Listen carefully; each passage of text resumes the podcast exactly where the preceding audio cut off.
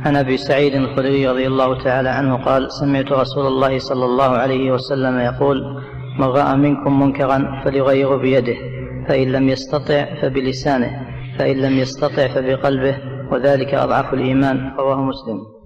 الأمر بالمعروف والنهي عن المنكر من أصول الإسلام فهو جانب عظيم من جوانب الإسلام لأنه إصلاح إصلاح للمجتمع.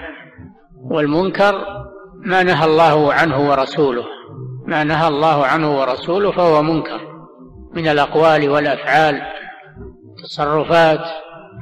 سمي منكرا لأنه تنكره الفطر والعقول السليمة. وأما المعروف فهو ما أمر الله به ورسوله. سمي معروفا لأنه تعرفه العقول والفطر السليمة. وهذا الجانب في الإسلام جانب عظيم.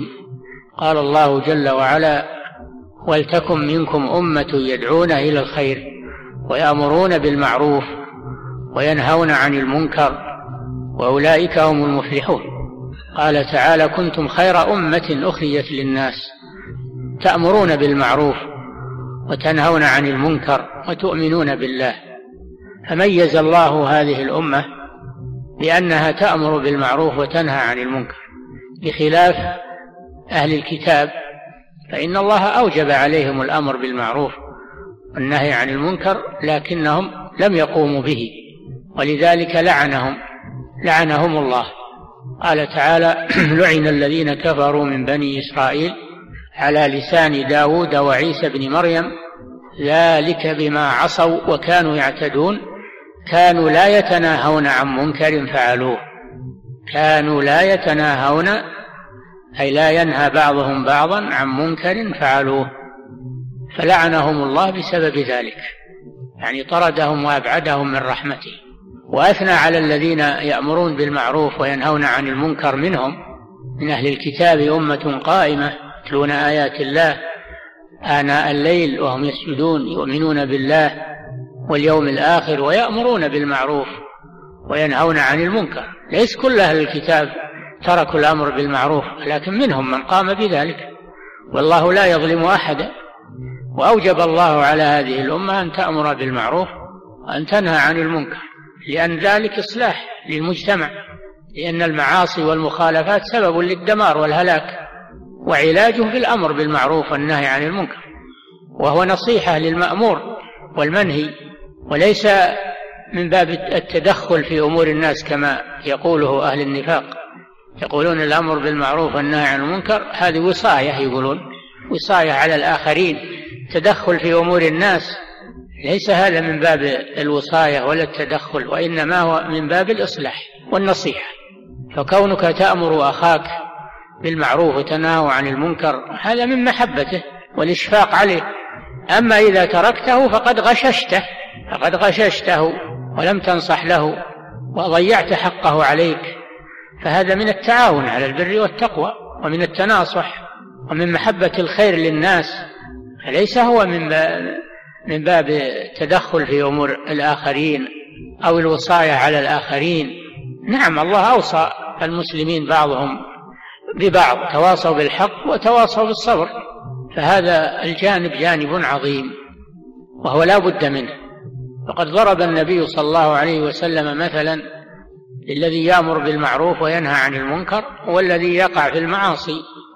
ضرب للصنفين مثلا بقوم استهموا على سفينة. استهموا أي اقترعوا عملوا القرعة على سفينة. أيهم يكون في الدور العلوي وأيهم يكون في الدور السفلي لأن الدور العلوي أرغب. فخرجت القرعة وانتهى وصار بعضهم في أعلاها وبعضهم في أسفلها. فالذين في أعلاها هذا مثل الأخيار من الأمة وأهل الرأي وأهل الغيرة وأهل الدين. والذين في أسفلها هم أهل السفاهة وأهل المخالفات. فالذين يأتون المنكرات مثل الذين في أسفل السفينة والذين ينهون عنها مثل الذين في أعلى السفينة. وكان الذين في الأسفل يصعدون إلى الدور العلوي ليأخذوا الماء. ثم إنهم قالوا نؤذي نؤذي من فوقنا فلعلنا نخرق في جانبنا خرقا من السفينة. نأخذ الماء مباشرة ولا نصعد ونؤذي من فوقنا. ومعلوم أن السفينة إذا خرقت في الماء غرقت وهلك من فيها. هذا مثل العصاة يريدون أن يخرقوا السفينة سفينة الإسلام.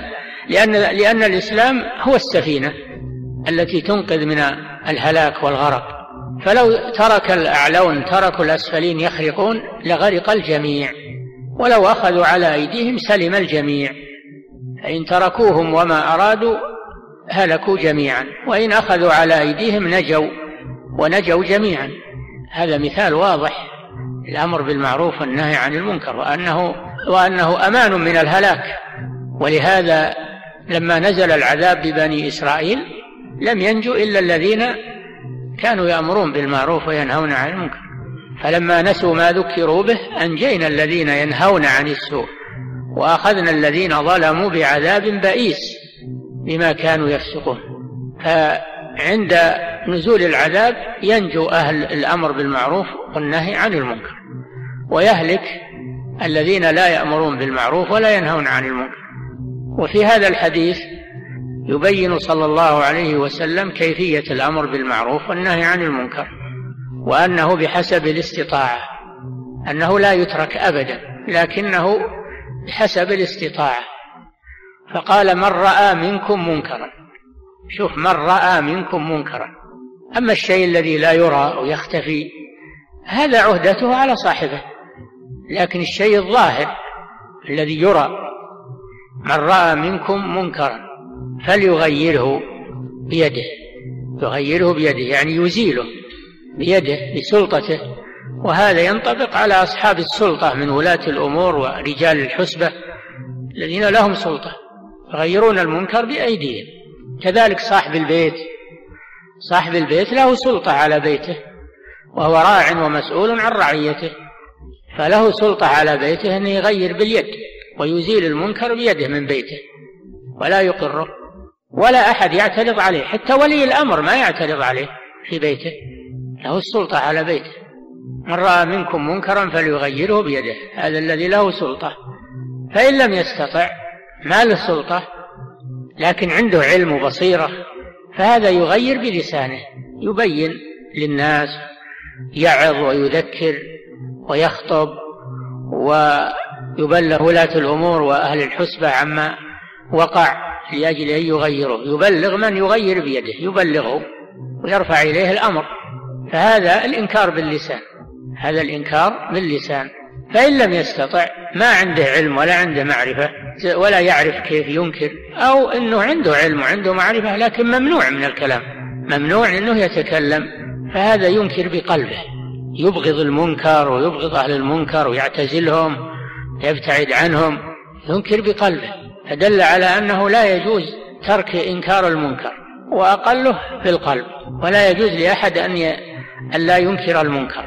مثل بني إسرائيل كانوا لا يتناهون عن منكر فعلوا. فلا بد أن ينكر المنكر إما بيده وإما بلسانه وإما بقلبه وهذا أضعف الإيمان. هذا أضعف الإيمان كما في الحديث. وفي رواية وليس وراء ذلك من الإيمان حبة خردل.